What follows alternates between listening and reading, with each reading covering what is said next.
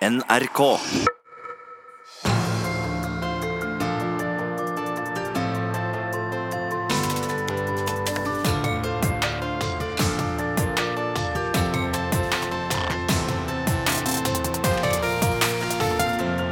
I disse dager har hunder over hele landet blitt syke og dødd av en sykdom ingen vet hva er. Veterinærene leter i blinde, medan flere firbeinte blir innlagde.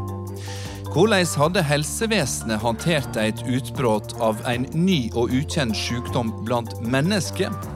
Er Norge rusta til en ny epidemi 100 år etter spanskesjuka? Ja, Velkommen til disse dager, P2 sitt eh, søndagssende aktualitetsprogram som eh, tar mål av seg å gjøre deg litt klokere i løpet av en time. Og vi sender som vanlig fra Tøyen torg.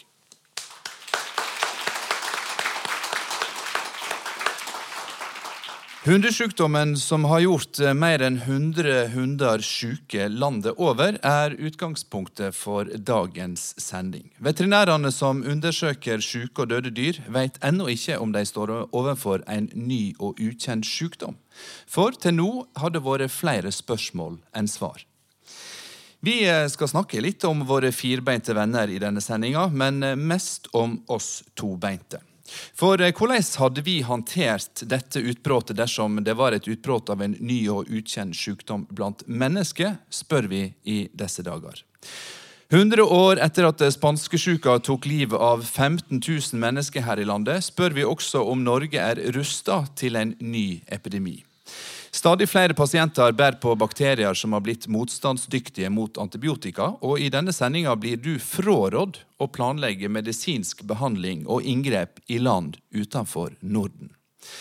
Hit kommer hun som ble smitta av tuberkulose på ferie, han som fremdeles forsker på spanskesjuka, og sykehuslegen som snart ikke har flere medisiner å bruke mot resistente bakterier. Aller først skulle jeg gjerne hatt eh, tatt imot en som skulle komme på scenen på alle fire, men som pga. Mattilsynet og strenge hygieneråd har fått beskjed om å holde seg eh, utendørs. Vi snakker om Alaska-huskyen Swix og hans matmor Ingvild Nordberg Iversen. Nå skal jeg bytte mikrofon og eh, gå ut der som Swix befinner seg. Han eh, er nemlig en av de eh, veldig mange hundene som har blitt eh, syke i Norge i de siste ukene. Og har tilbrakt fem døgn på hundesykehus. Og så Her er Swix og matmor Ingvild Iversen. Kan du fortelle aller først, Ingvild, hvordan var det du merka at Swix ikke var i form?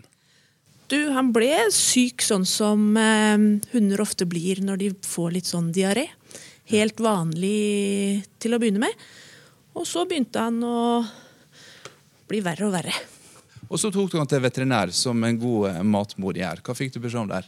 Du, Jeg ringte veterinæren fordi at jeg syntes at det var litt sånn blodig eh, det, det, det, så ut som det var litt blod i avføringen. Men det fikk jeg beskjed om at eh, ja, det var veldig normalt. Så det skulle jeg kun tenke at jeg kunne gi han litt sånn fôr som var eh, godt for magen. Ja. Eh, så det var jeg ikke helt fornøyd med, så da ringte jeg en veterinær til. Og fikk samme beskjeden. Og eh, ja. Og så ble Swix dårligere, har du fortalt meg. Og da tok du affære?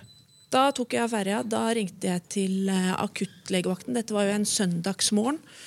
Så da fikk jeg beskjed om at eh, klokken tolv kunne jeg komme. Det var noen eh, harde timer, for han ble dårligere og dårligere. Og eh, når jeg kom dit, så jeg måtte bære han ut i bilen.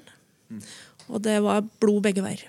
Og for meg. Nå ser jo Swix uforskamma pigg ut, men det er jo fordi han har fått eh, god behandling. Og han ble syk eh, i helga før vi kunne lese i alle nettaviser at det var en hundesykdom på gang. Det stemmer. Eh, heldigvis så var han ganske så frisk og på veldig god bedring når jeg leste om det her i, på nettavisene. Hadde du blitt stressa hvis du visste at han eh, hadde en sykdom som eh, mange andre hunder hadde? Ja, veldig. Jeg er veldig glad for at jeg ikke visste det da. For det, og selv da, når vi fikk vite det, og er sånn i ettertid også, så jeg skjønt at han var eh, fryktelig, fryktelig dårlig. Apropos ikke vite, de veterinærene som undersøker disse sykehundene, vet jo heller ikke helt sikkert hva de har med å gjøre. Nå skal vi la Swix eh, ligge her og kose seg eh, på et lunt teppe utafor. Og så skal du bli med meg inn, Ingvild. For vi skal nemlig snakke med en forsker og en veterinær fra Veterinærinstituttet. Hanna Jørgensen hun er en av de som har jobba på spreng de siste ukene for å prøve å finne ut hva det er som feiler landets hunder. Og Da tror jeg jeg begynner med å spørre deg, Hanna, beint fram. Eh, hva vet dere nå? Nei, vi, eh, vi, har jo ikke konkludert for å finne og funnet ut hva eh, hundene er blitt syke av, men vi har lært mye og funnet ut mye i løpet av de siste to ukene. Det vi vet til vanlig, er at eh, vi har det vi kaller sporadiske tilfeller av blodig diaré hos hund. Ofte så finner vi ikke ut hva årsaken er, men vanligvis så blir de også friske. Det som skjer akkurat nå, er at vi får melding om at det er flere hunder enn vanlig som får denne lidelsen. Ehm, det som eh, skjedde rundt den 4. september, var at Mattilsynet ble varsla av smådyrveterinærer i Oslo om at de så økende, et økende antall av alvorlig syke hunder. Mm, for Ingvild her fikk jo beskjed om at Swix hadde noe som antageligvis var helt naturlig. Og så sier dere at det, helt naturlig er det jo ikke likevel. Nei, altså Å ha blod i avføringa er jo ikke forventa. Det er jo et sykdomstegn. Um, men uh, det skjer ganske ofte at hunder får diaré, og noen av de hundene med diaré vil få uh, blod i avføringa. Og stort sett så går dette bra. Uh, det er klart at det, når det kommer flere enn vanlig, så ønsker vi å finne ut om de har noe fellestrekk, om det er noe smittsomt som, som foregår. Og det er det vi har holdt på med nå de siste to ukene og prøvd å kartlegge. Noen har kalt dette for et mysterium. Um, kanskje ikke du vil bruke akkurat det uttrykket, men ei gåte, da? Er det det? Ja, um, man kan kanskje si det. Altså, for oss som, som, jobber med syke dyr til vanlig, så, så er ikke dette En hund med, med blodig diaré er ikke noe oppsiktsvekkende nytt. Men eh, det er merkelig når det kommer så mange syke dyr på en gang. Um, og det vi um, vi, vi, gjør, er å forsøke å utelukke de mest åpenbare årsakene til den type tilstand. Vi har en lang liste over mulige diagnoser som vi da må krysse oss gjennom. Eh, en begynner med det vanligste, og så går man nedover lista til ting som kanskje kan betraktes som noe mer uvanlig. Mm. Eh, og Det er en lang liste som vi nå har jobba oss gjennom på Veterinærinstituttet. For det er en del ting dere har utelukka etter eh, mange obduksjoner og ei bråte med prøvetakinga, men så er det en del ting dere ikke kan utelukke enda. Hva er det? Um, nei, altså vi eh, det, det, vi har gjort, er å Vi har funnet noen bakterier som vi uh, vi har funnet hos flere av de syke hundene. Uh, og det um, er ikke sånn at vi kan konkludere med at disse bakteriene gir sykdom, fordi vi vanligvis ikke vil forvente at de skulle gi så alvorlig sykdom. Samtidig så kan det være litt påfallende at det er så mange av de syke hundene som har disse bakteriene. Så det vi jobber med nå, er å finne ut eh, ved hjelp av undersøkelser av, av, vevsprøver fra tarmen til de syke hundene, eh, for å påvise om det faktisk er disse bakteriene som kan ha gitt de forandringene i tarmen, eh, og som da har gjort at hundene er blitt syke. Veterinærene eh, leter fremdeles etter svar. Jeg tipper at du har eh, både stilt deg mange spørsmål Ingvild, og prøvd å gi deg sjøl noen svar. Hva, hva, tenker du kan ha råka Swix? Nei, det er jeg jo ikke helt sikker på, men eh, tankene er, er jo jordsmonn og sånne ting ute. Han er en hund som elsker å hoppe ute i alt av vann, myrdammer øh, og, og, og, ta spise av det, plukke opp pinner som ligger på bånn. Han svømmer ikke noe særlig, men ja, tar tak i sånne ting. Snuser på mye, slikker på mye, smaker på det meste. Ja, det kan være enkle forklaringer på, på litt alvorlige hendinger. Men eh, Hanna Jørgensen, eh, så langt vi vet, så er jo dette kun i Norge at vi har sett eh, Jeg kaller det for et utbrudd, men altså så mange syke hunder. Hva kan grunnen være til det? Nei, det eh, kan jeg ikke svare godt på. Um, de det er nok ikke sikkert at man i alle land vil oppdage det så tidlig som vi gjør her. Vi er vant med at våre hunder er friske. Eh, vi har en eh, veldig frisk hundepopulasjon som er godt vaksinert. Um, og det gjør nok at uh, vi raskere vil oppdage at det foregår noe. Hvis dere nå skulle komme til at dette faktisk er en ny sykdom, med et, et opphav dere ikke før har sett, hvor vanlig er det å gjøre slike oppdaginger? Altså, det, det, kommer jo nye oppdagelser eh, hele tiden, både i medisinen og veterinærmedisinen. Eh, denne type eh, opphopning av sykdom som vi ser nå, det er en veldig fin anledning å få sett mer på denne type lidelse. Som jeg nevnte i stad, så, så, ser vi jo sporadiske tilfeller av, av hunder som blir syke med veldig like symptomer som disse hundene de siste ukene har hatt. Eh, men det blir jo ikke forska noe særlig på. Når vi nå har et eh, form for utbrudd, så, så, er det større interesse for å se nærmere på det. Og det vil jo kanskje hjelpe oss til å komme et skritt videre med akkurat den type lidelse. Mm. Vi skal senere i sendinga snakke mye om uh, sykdom hos oss tobeinte, og vi skal snakke om uh, smitte som en får på reise. og Ingvild, du som hundeeier, tenker du at eh, det burde være vanskeligere å føre hunder inn til landet med tanke på hva de kan ha med seg? Jeg syns det er litt vanskelig å uttale seg om det. For um, altså, det er relativt strengt sånn det er nå. Men det er vel en del som tar hunder over grensen uten å følge det regelverket òg. Uh, og kanskje spesielt hunder som gatehunder som innføres fra sydligere strøk, som vi vet veldig lite om, syns jeg kanskje er problematisk. Nå kan du glede deg over at huskyen din Swix er frisk og rask igjen, men jeg, har du uh, øynene åpne for tilbakefall og uh, nye utbrudd, eller slapper du av nå? Slapper relativt godt av og håper at han er immun. Ja. ja. Men det er klart at uh, han har ikke hilst på noen hunder etter det, nei. nei. Jo, én kanskje. Ja, ok. Hanna Jørgensen, tror du at dere kommer til å finne endelige svar? Eh, eh, det kan jeg ikke love. Eh, vi har jo fortsatt pågående Jeg spør ikke om lovnad, jeg spør om du tror det. Eh, vi, jeg har et håp om at vi skal komme et skritt videre. Vi har jo undersøkelser på gang som eh, jeg tror kan gi oss resultater. Men jeg frykter at det kan bli eh, langsiktig. Ok, vi, eh, vi, venter og ser hva dere finner ut. Takk skal du ha, Hanna Jørgensen, eh, forsker ved Veterinærinstituttet. Og takk også til Ingvild Nordberg Iversen og høsken hennes, Swix, som endelig er frisk igjen etter ei heftig runde med en eh, til nå ukjent sykdom.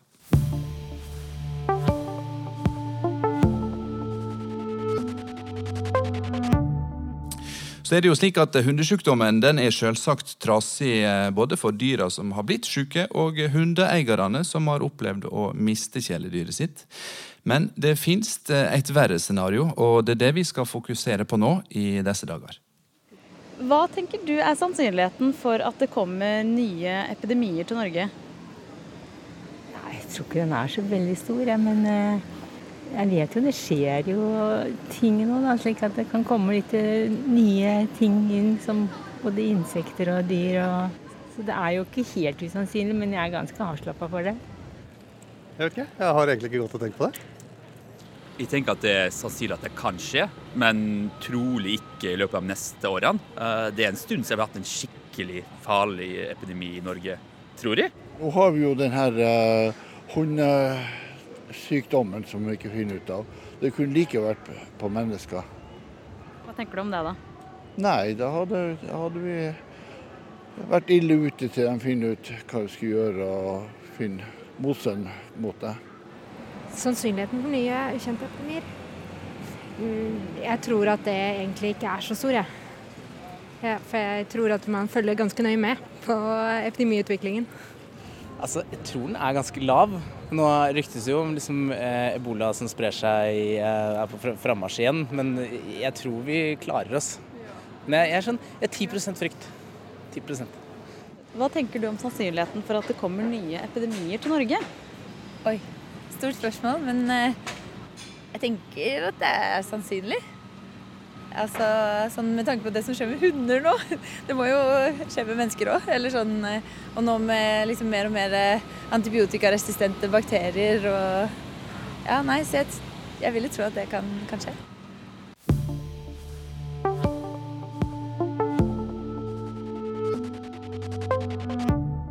Ja, det er nok ikke et spørsmål om hvis, men heller om hva tid. Og Da er spørsmålet igjen hvordan hadde samfunnet vårt og helsevesenet håndtert et utbrudd av en ny og ukjent sykdom?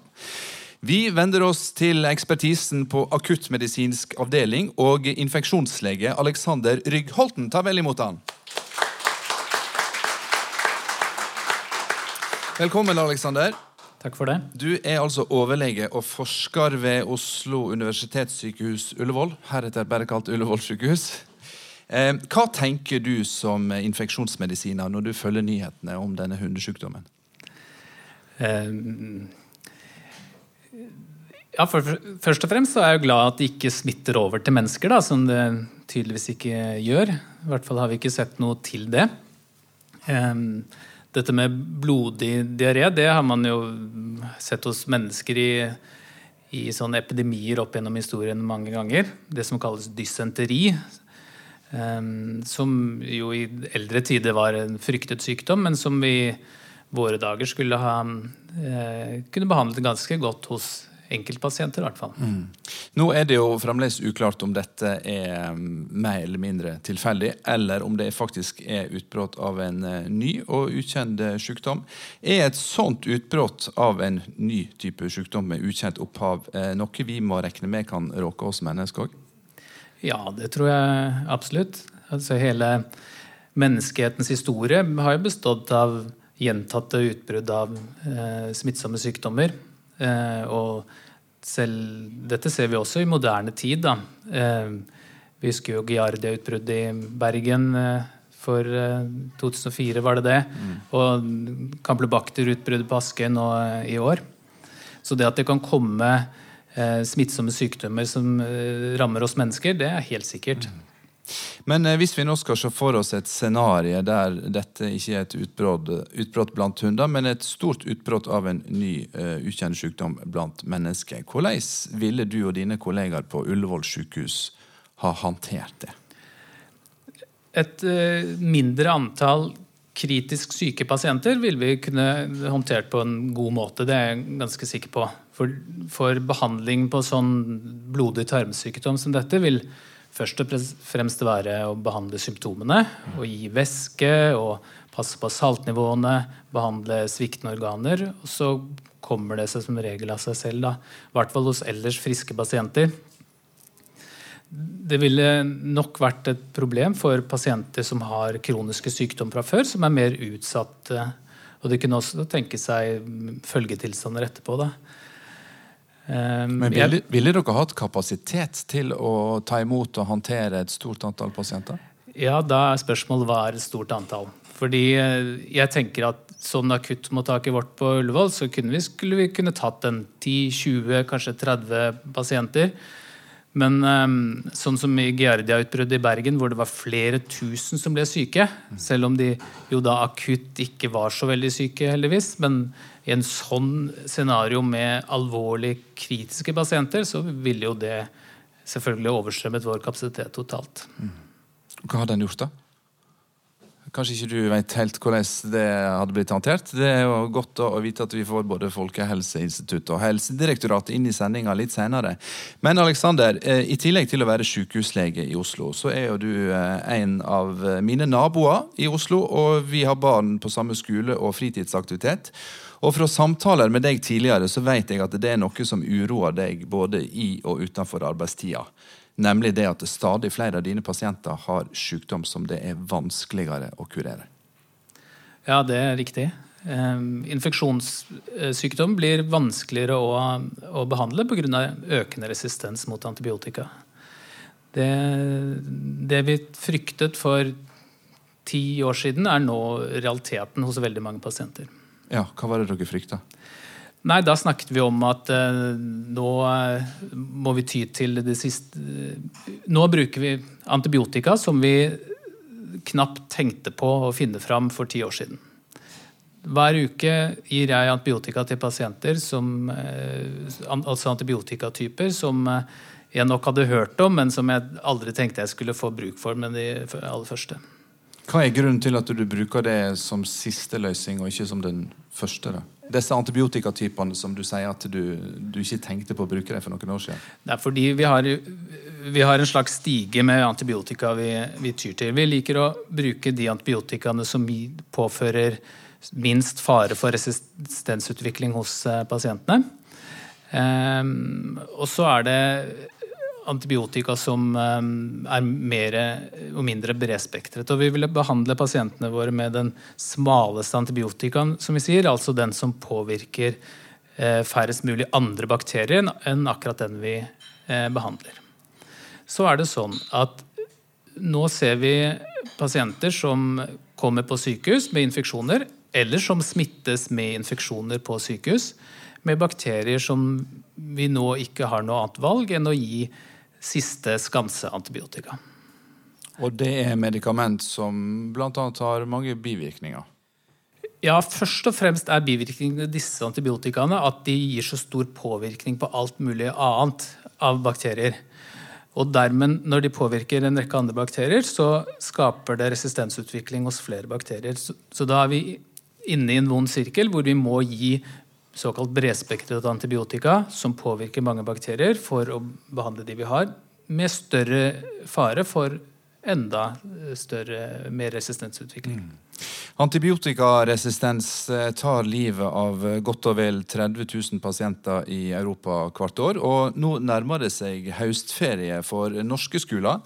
Og det er jo mange som planlegger reiser utenlands, kanskje til en stad der sist siste rest av sommer er å finne. Hva er du redd for å bli smitta når du er på ferie? Ingenting. Ingenting? Nei. Nei. Ja, du, det, det er mat. Fordi jeg har en problematisk tarm, så er jeg faktisk redd for å spise mat ute med ukjente bakterier. Hiv, rett og slett. Nei, jeg er egentlig ikke så bekymret. Jeg tror det er dumt å bekymre seg for mye overhodet ikke redd for å bli smitta. Uh, det var én gang jeg fikk en skikkelig influensa i Hellas en gang, uh, som satt i et par uker. Uh, som var veldig tung, men det er ikke noe jeg tenker på når jeg er i utlandet. Hva tenker du om antibiotikaresistente bakterier, da? Skremmende. Og du tror ikke du kan bli smitta av det på ferie? Nei, jeg går ikke rundt og er redd for det. Jeg kan bli smitta, men jeg går ikke rundt og er redd for det. Hva med antibiotikaresistente bakterier? Ja, de er litt farlige. Det har jeg faktisk vært hatt en gang før, og det var litt krise. Jeg måtte nesten amputere tåa mi. Så... Nei, er det sant? Jo, det er helt sant. Så eh, da måtte jeg gå på, eh, fikk jeg, måtte på intravenøs antibiotika på drypp for å klare å redde hele greia. Det starta med bare en inngrodd tånegl, så eh, gikk det puss og bakterier i det. Så endte det opp med at det var sånne rare greier som begynte å spise seg oppover foten min. Ja. Og så forsøkte de forskjellige typer antibiotika? Ja, ble, først fikk jeg en type, og så funka ikke det. Så fikk jeg en sterkere type, og til slutt så fant de ut av at nei, det her går ikke, vi må bare legge deg på drypp. Men du unngikk å amputere? Ja, det gjorde jeg heldigvis. Det, det ble en liten skrekkopplevelse skrekk, der da. Ikke noe hyggelig, men eh, det gikk nå bra. Ja, for noen så går det bra til slutt, selv om de kommer hjem med noe i bagasjen de gjerne skulle ha vært foruten. Bare spør eh, Frida Jagdum. Velkommen, Frida, til disse dager. Tusen takk. Det gikk bra med deg òg, men det var jammen nære på ei stund? Ja, altså Jeg ble smitta av tuberkulose. Um, fikk jo beskjed ganske fort at jeg dør jo ikke av dette. Uh, så det var jo på en måte sånn sett var det jo ikke fare for liv for meg som bor i Norge. Uh, veldig privilegert. Her får vi jo behandling. Um, men det var tøft, ja. Ja, for det var ei tøff runde. Du var sjuk i mer enn et år. Hvordan arter det seg å ha tuberkulose, som i ditt tilfelle var resistent mot en del antibiotika? Um, jeg hadde vært på, på tur, på ferie, um, i en del asiatiske land. Um, kom hjem uh, veldig opptatt av å på en måte uh, Før jeg reiste, så hørte jeg med på vaksinekontor og ville ta alle vaksiner og var veldig på en måte nøye med det. Men eh, kjente et sånt trykk i brystet. Jeg dro til legen, eh, ble sendt videre til sykehus. Eh, de visste ikke helt hva det var først. Tenkte jo ikke tuberkulose. Men så ja, tok det vel et par, en uke kanskje, og så fant de ut at det var hadde blitt smitta av tuberkulose. da, Og så håpte man jo at det var latent. Sovende. Um, men så fant man ut at det var aktiv, og så et par måneder senere at, det var, at jeg var resistent mot to av medikamentene. Og du ble veldig sjuk, har du fortalt. Ja, eh, jeg merka jo det jeg merka av selve sykdommen, var jo eh, i lungene, eh, brystet, eh, en stikkende smerte. Og, men så er det jo òg egentlig bivirkningene av medisiner som er det som jeg har kjent på, eller som jeg kjente på det året. da, Hvor syk jeg ble av de, egentlig. Um, ja. Nå nikker overlegen, for han gjetter seg til hva medisiner du har fått, eh, tror jeg. Alexander Rygge Holten, eh, du sa at det er noen som blir eh, smitta av resistens på sykehuset. Andre har det med seg for å reise, slik som eh, Frida her. Eh, nå var hun eh, backpacker i eh, Asia og Afrika. Det er jo mange som ikke reiser så langt. Hvem er den typiske feriepasienten som kommer eh, til deg på eh, akuttmedisinsk på Ullevål? Eh, De vi får inn fra mm, feriereise, det er eh, oftest eh, kronisk syke pasienter med kroniske organsvikter. Kronisk lungesykdom, kronisk hjertesykdom eller nyresykdom. Og som har fått en forverring på ferie og blitt innlagt. Og blitt kolonisert, som vi sier, altså smittet da, med en resistent bakterie. Eller så er det de som har vært i en motorsykkelulykke eller lignende ulykker og blitt innlagt på sykehus, eh, intensivavdelinger særlig, og så overført til, eh, til norsk sykehus. Da. Eh, og har du vært innlagt på en eh, intensivavdeling på, i Sør-Europa eller i, i eh, Sør-Asia for den saks skyld, så er man nesten alltid smittet med minst én resistent bakterie. Nesten alltid? Ja. Men hvordan bør vi forholde oss til det, da, hvis det er så voldsomt? Um, ja, for det første så Hvis man er ute og reiser og blir skadet eller syk, så må man jo kontakte helsevesenet. da, Bare så det er sagt. Um, lokalt helsevesen. Um, men jeg tenker at de som har kronisk alvorlig sykdom som gjør at de er innlagt på norske sykehus en gang imellom, bør tenke seg veldig godt om før de reiser til Sør-Europa f.eks., som har et helt annet resistensproblem enn det vi har her i Norge. For i sommer så skjedde jo det i Toskana, Italia. Et veldig populært reisemål for oss eh, her nord. Der døde det over 30 pasienter pga. Uh, antibiotikaresistens. Er det noe vi er det noe vi skal uroe oss over? at det skjer Jeg syns sånn at de som reiser, eh, er feriereisende, eh, må ha med seg det at det er en risiko rundt eh, antibiotikaresistens. Og Det gjelder spesielt i kontakt med helsevesenet. Men det er også sånn at når man reiser til land med høyere forekomst av resistente bakterier, så koloniseres vi. Altså det slår seg ned resistente bakterier i tarmen vår. Og vi vet fra en nederlandsk studie for eksempel, fra et par år siden at opp så mye som 75% av feriereisen til Sør-Asia hadde eh, eh, resistente tarmbakterier når de kom tilbake. Dette kvitter de fleste seg med etter få måneder, men noen har dette i lang tid etterpå. Og særlig de som har kroniske sykdommer, eller de som bruker antibiotika, eh, vil være risiko for videre eh, kolonisering. Da.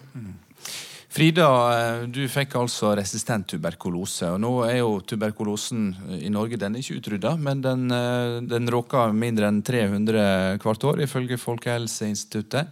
Hva tenker du om at en eh, også her i nærområdene i Europa kan bli smitta av eh, alvorlige sykdommer som følge av antibiotikaresistens? Du er ei reiseglad dame, vet jeg. Det er derfor jeg spør. um, jeg syns det er viktig å være bevisst på. Det kan jo bli um, Ja, det er jo et stort problem, og det, det kan bli verre eh, med antibiotikaresistens. Så ta, ja, følge råd fra fagfolk. Um, men jeg syns altså, det er jo synd om man skal være Om det skal være på en måte mm, skummelt å reise òg, men ta på en måte ja, tenke litt gjennom før man drar, eh, lese seg litt opp. Um, Ja. Mm. Takk skal du ha, Frida Jagdum, for at du kom til disse dager og fortalte hvordan det var å bli smitta av resistent tuberkulose. Du, eh, overlege Alexander Ryggholten, du skal få komme tilbake mot slutten av sendinga med smittevernråd til de som skal på høstferie i resistensrisikofylte land.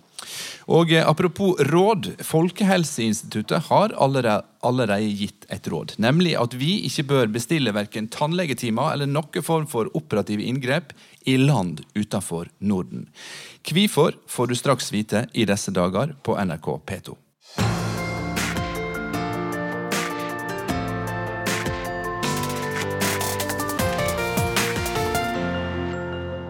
Folkehelseinstituttet har et eh, tungt ansvar for smittevernberedskapen i Norge og den nye trusselen som resistente bakterier er.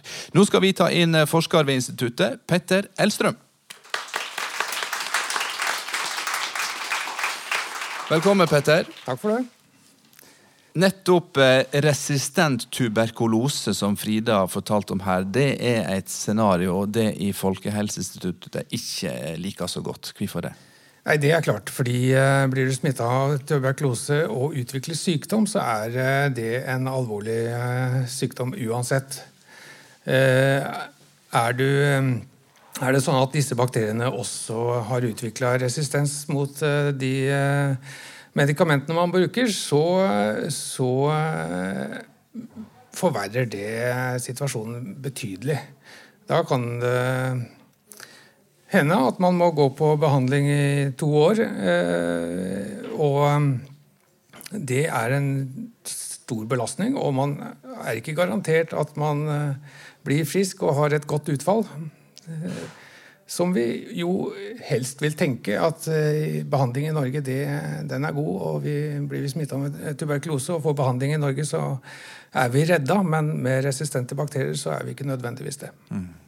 Og Risikoen for å bli smitta av resistente bakterier, om ikke akkurat tuberkulose, er stor og økende i Europa.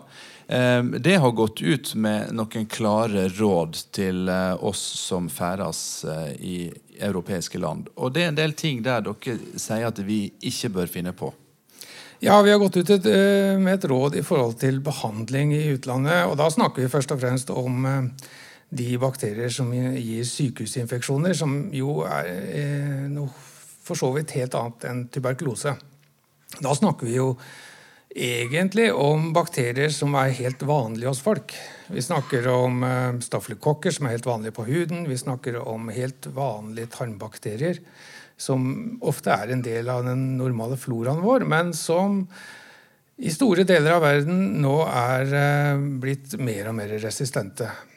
Og eh, dette, når dette er normale bakterier eh, hos mennesker, så, så sier det jo seg sjøl at de sjelden gir sykdom hos ellers friske eh, personer. Men det som er utfordringen med disse bakteriene, er at de også er de mest vanlige årsakene til infeksjoner på sykehus. Mm.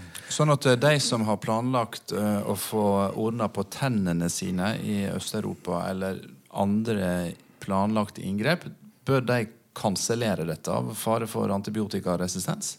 Det er som det ble sagt i stad, at eh, får du behandling på sykehus, så må du nesten regne med å bli smitta med resistente bakterier. Det kan man i stor grad regne med i andre helsetjenester også. Litt avhengig av eh, land og sted, og litt avhengig av helsetjenesten. Men også eh, i tannbehandling så må du regne med at du blir eksponert for resistente bakterier. Og så er jo ofte tannbehandling ikke nødvendigvis så veldig omfattende. Men også tannlegen utfører eh, kirurgiske inngrep.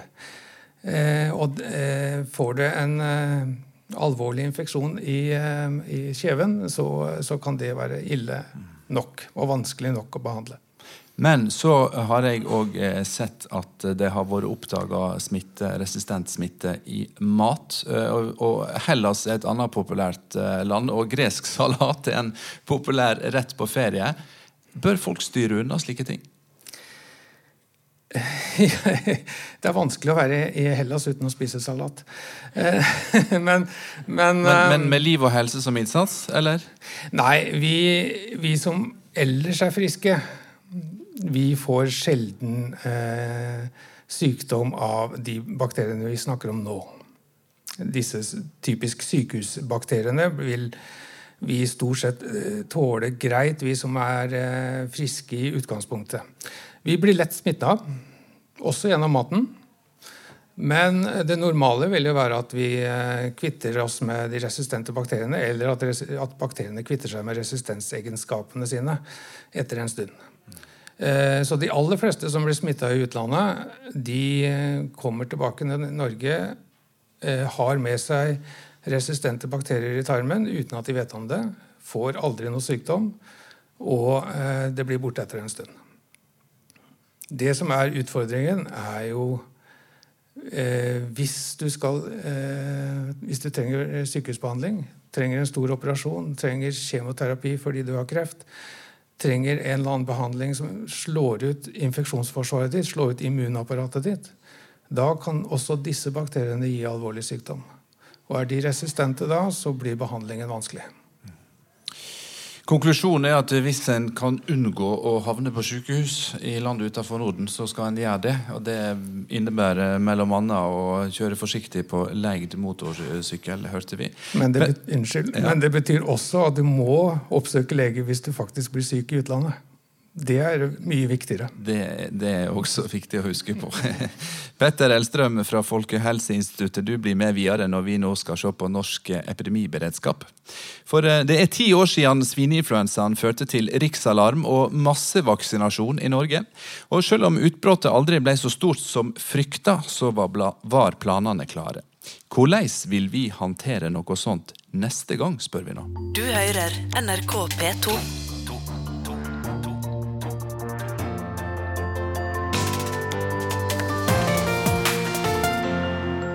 Ifølge Verdens helseorganisasjon er det ikke et spørsmål om hvis, men heller hva tid en ny global influensapandemi vil bryte ut.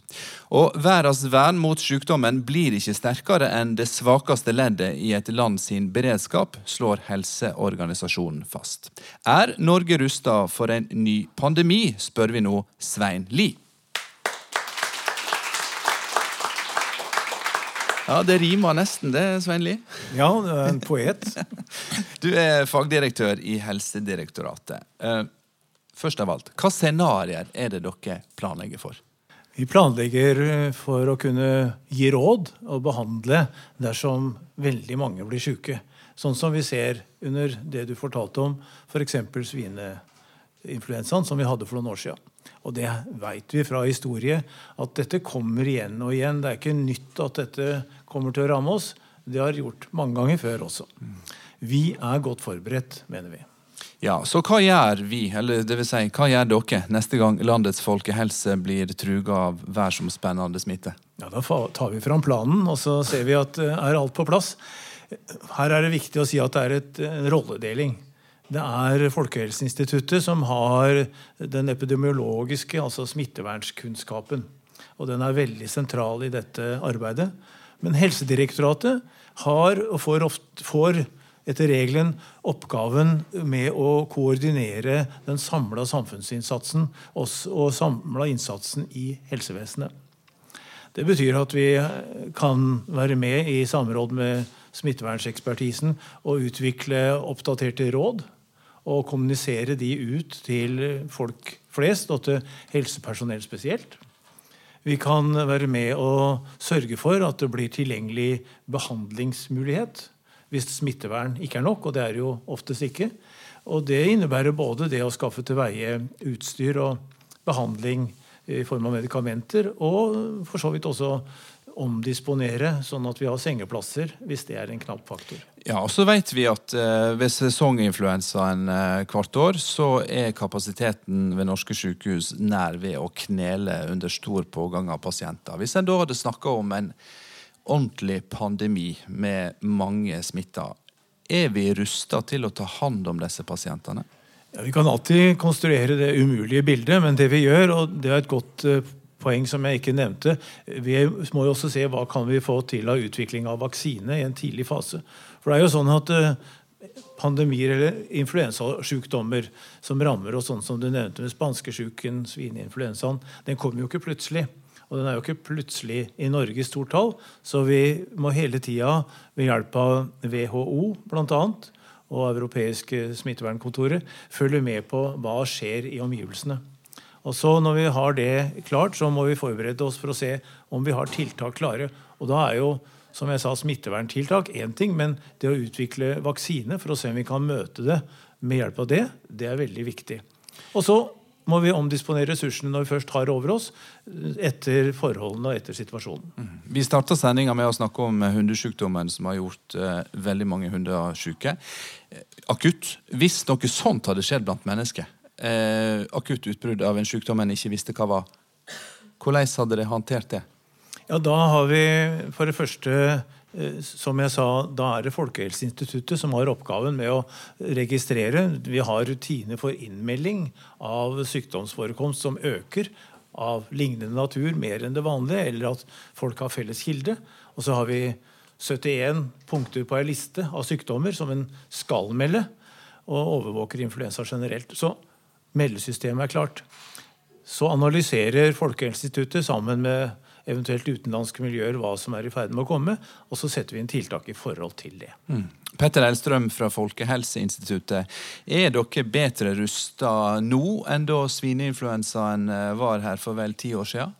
Jeg vil vel si at vi blir bare bedre og bedre rusta. Eh, På hva måte da? Rent kunnskapsmessig, overvåkningsmessig eh, og også metoder i, eh, i, etterforskningen, altså i det å finne ut hva er det som skjer, eh, så blir både laboratoriemetodene eh, Der har det skjedd en revolusjon.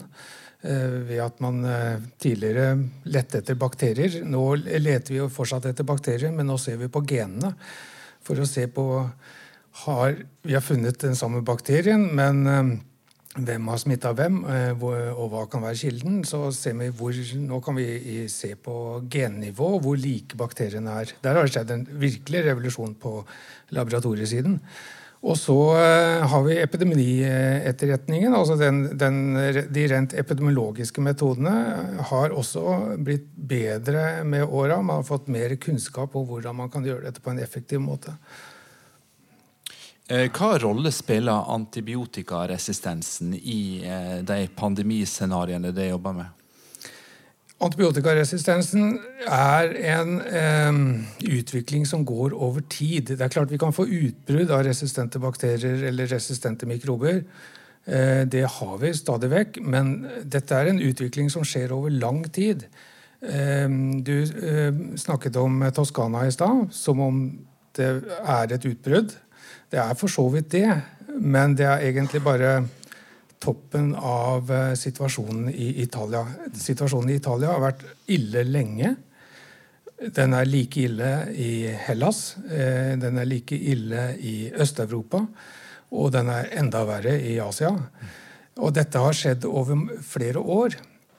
Så når man da snakker om et utbrudd av resistente bakterier i Toskana, så er det bare et bilde på at nå har det blitt ille i disse landene. Eh, Verdens helseorganisasjon slår fast at eh, vårt vern mot pandemier blir aldri sterkere enn det svakeste ledd. Eh, Svein Lie, hva er vårt svakeste ledd i Norge? Ja, Det er jo i ferd med å bli dette som vi snakker om nå, med muligheten for å behandle de som får komplikasjoner til virusinfeksjonene, som jo oftest er pandemiene. Og det er alvorlig i to ender.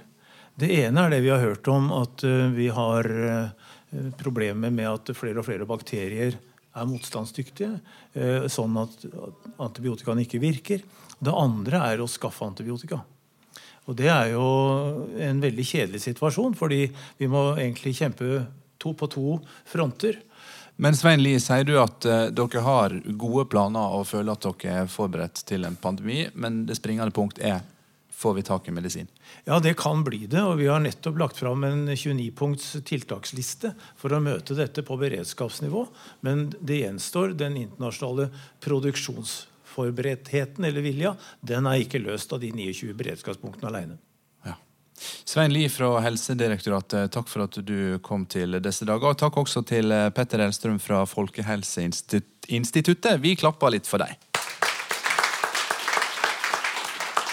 Nå skal vi eh, trekke lange historiske linjer i disse dager når vi tar for oss eh, spanskesjuka, som eh, mellom andre råka en av våre aller mest kjente komponister, Harald Severud. Det var etter spanskesyken, og jeg var meget sterkt angrepet. Og jeg kom fra det med livet, merkverdig nok. For når jeg så gikk ut for første gang, så lo folk av meg. Jeg så nesten ut som en flue som edderkoppen hadde suget alt blodet ut av. Det hørtes ikke særlig godt ut. Dette var komponisten Harald Severud, som i et opptak fra 1986 fortalte hvordan det var å ha spanskesyken da han var i begynnelsen av 20-åra. Det er i år 100 år siden denne influensaen herja i Norge og tok livet av 15 000 mennesker. På verdensbasis døde flere av pandemien enn som følge av første verdenskrig. Nå skal vi ta inn en professor som eh, fremdeles forsker på spanskesjuka, Sven Erik Mammelund. Professor i historisk demografi ved Oslo OsloMet. Svein Erik, hva er, mm, det, hva er grunnen til at eh, spanskesjuka blir omtala som alle pandemier sin mor? Det er jo hovedsakelig pga. at eh, så mange ble syke. Altså kanskje opptil halvparten av jordas befolkning ble syke. Eh, det samme i Norge. Og at opptil 100 millioner døde av sykdommen. Det er altså rundt 5% av jordas befolkning i 1918, for 100 år siden. Og så døde det altså rundt 0,6% i Norge. Litt lavere enn det globale tallet. Mm. Vi har jo snakka om eh, faren for pandemier og nye typer syk sykdommer i denne sendinga. Eh, du har jo gått historisk til verks. Eh, må vi regne med at en pandemi som spanskesjuka kommer igjen her i landet? Ja, altså det vi helt sikkert kan regne med, er at vi får nye pandemier. fordi jeg har studert alle pandemiene som vi har gode data på, tilbake til 1500-tallet. Og de oppstår da tre til fire ganger hvert århundre med litt ulike intervaller. Og nå hadde vi jo en sist i 2009, så eh, da har vi hatt én i det årtusenet her. Så vi må regne med at vi får i dette århundret her eh, også kanskje to til tre pandemier til. Mm. Vi starta denne sendinga med å eh, snakke om hundesjukdommen som går. Det var utgangspunktet. Og det er jo en fellesnevner mellom det som har råka norske hunder, og det som råka store deler av verden for 100 år siden. Ja, eh, fellesnevneren må i tilfelle være det at eh, legene da i 1918 hadde ikke peil på hva som ramma, eh, ramma befolkningen. Man visste ikke at influensa var forårsaka av et virus. Man leita etter noe helt annet, etter bakterier. Noe man kalte Pfeifers bakterier. leite man blant annet etter. Men det var ikke årsaken til sykdommen. Og det var ikke forut på 30-tallet at man fant ut at det her skyldtes influensa. At det var et virus. Altså at det var et virus som var årsaken til sykdommen. Og så eh, er du en av de som fremdeles forsker på denne sykdommen, enda det er 100 år siden sist. Eh, fordi det er flere spørsmål enn svar foreløpig. Hva er det dere undersøker som er interessant og viktig i dag? Jeg synes Det er jo flere ting. En ting er på en måte hvor ofte pandemiene kommer, men de kommer også i bølger. Slik de også gjorde i 2009 og i 1918, så kommer det flere bølger. Og den eh, den første bølgen eh, sommeren 1918 var ganske mild med, ganske lav dødelighet, men så var det veldig alvorlig eh, utbrudd på høsten. Eh, og Den type bølgebevegelser det har vi også sett i andre pandemier, både før 1918 og, og seinere. Så det er én ting som er viktig å se på. Og så skiller jo denne 1918-pandemien seg veldig ut ved at unge voksne var så utsatt. Og det er noe vi egentlig ikke har veldig godt svar på ennå, hvorfor det var sånn.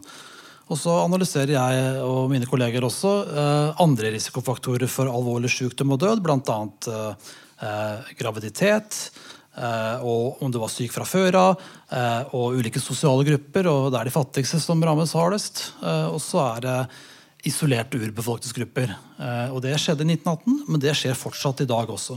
De er mest utsatt, også for sesonginfluensa og pandemisk influensa. Mm. Apropos influensa. Eh, vi snakka i stad om svineinfluensaen, som, eh, som, var en stor frykt og fare for ti år siden. Den har et slektskap med spanskesjuka.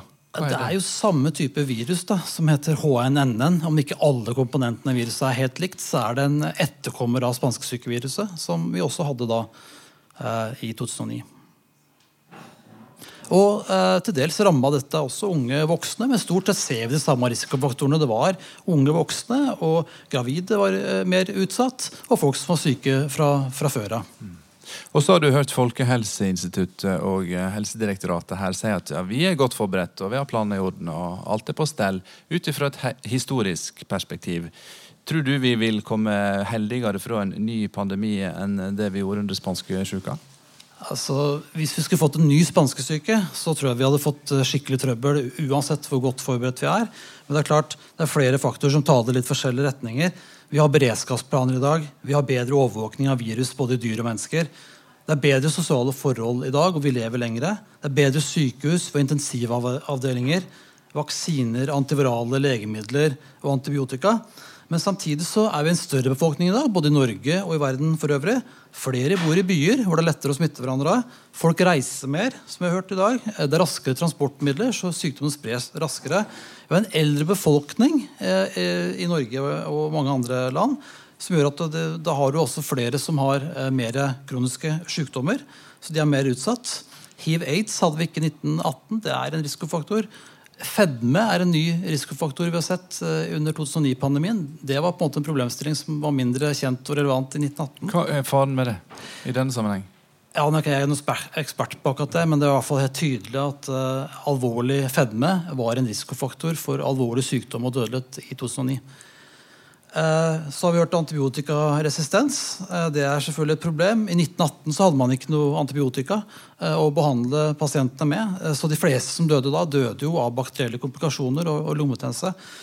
Men så er jo da et annet problem er vaksineskepsis. Vi hørte i stad også at det tar tid å utvikle vaksiner, og det tar tid å få det på markedet under en pandemi. Men vaksineskepsis er også et problem, som også er på denne tid på topplista til Verdens helseorganisasjon for alvorlige trusler mot vår eh, globale helse.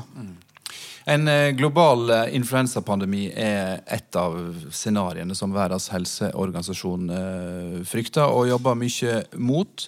Eh, og eh, spanskesjuka er jo da, som vi hørte, alle pandemiers eh, mor.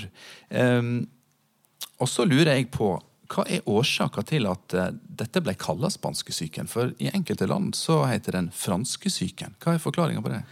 Ja, det er et godt spørsmål, men eh, Spania var nøytrale og hadde ikke samme insentiver som krigførende land til å holde tilbake informasjon om den type ting, altså om sykdom i befolkningen.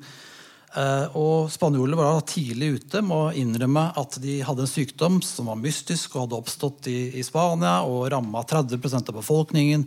Kongen hadde blitt sjuk, eh, store deler av regjeringa hadde blitt sjuke. Og det, det da kom en pressemelding fra Reuters i, og ble spredt i alle de største avisene i Europa, så fikk det da på en måte også global oppmerksomhet. Selv om ikke spanskesyken starta i Spania. Så rett og slett fraværet av pressesensur i krigsnøytrale Spania ga navnet pga. mye medieomtale. Ja, helt riktig. Så enkelt og ja, nei, Det er jo fantastisk hvordan store ting kan oppstå. Eh, vet du hva, Sven Erik Marmelund, jeg vil eh, takke deg for at du kom eh, hit til disse dager og ga oss eh, et ordentlig historisk perspektiv på spanskesjuka som herja for 100 år siden.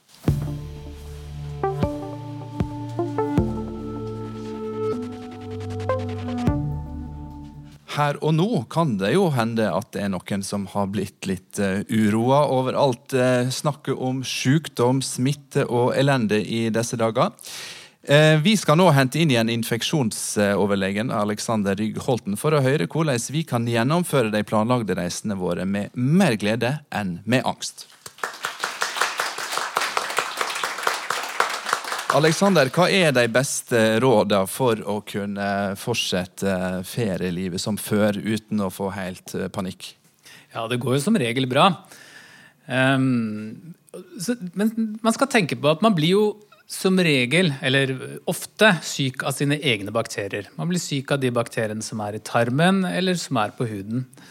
Um, og man skal være forsiktig da, med å utsette seg for situasjoner hvor man kan bli syk. Eller hvis man er eh, har mange sykdommer fra før, slik at man ofte er utsatt for infeksjoner.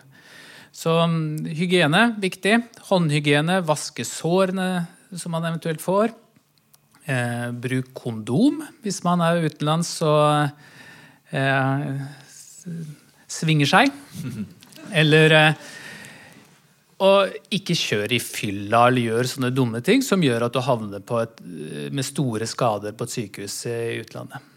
Hvis en nå uh, i edru tilstander skulle ha opplevd et eller annet som gjør at en tenker at jeg burde kanskje ha gått til legen. Uh, er det slik at en rett og slett bør tenke seg om om det er nødvendig, fordi at risikoen for å få en infeksjon på legekontoret er stor? Nei, man skal absolutt gå til lege Eh, i ferielandet man er. Eh, hør gjerne med, med helseforsikringen hvilke helsetjenester som kan anbefales. Eh, og det gjelder særlig ved, ved bitt, f.eks. Hundebitt. andre mm, infeksjoner som, som, skjer lokalt, som de har ofte mye mer kunnskap om lokalt enn det man kan tenke seg når man kommer tilbake igjen. Mm. Alexander Ryggholten, forsker og overlege ved Ullevål sykehus. Tusen takk skal du ha for at du kom til disse dager med innsikt og gode råd. Takk også til publikum og til deg som hørte på denne sendinga. Den var laga av reporter Linn Helene Løken. Teknisk ansvarlige var Helje Torsdotter Svensson og Geir Døhli Gjersjø. Produsent var Marte Rommetveit. Jeg heter Håkon Haugsbø og sier på gjenhør.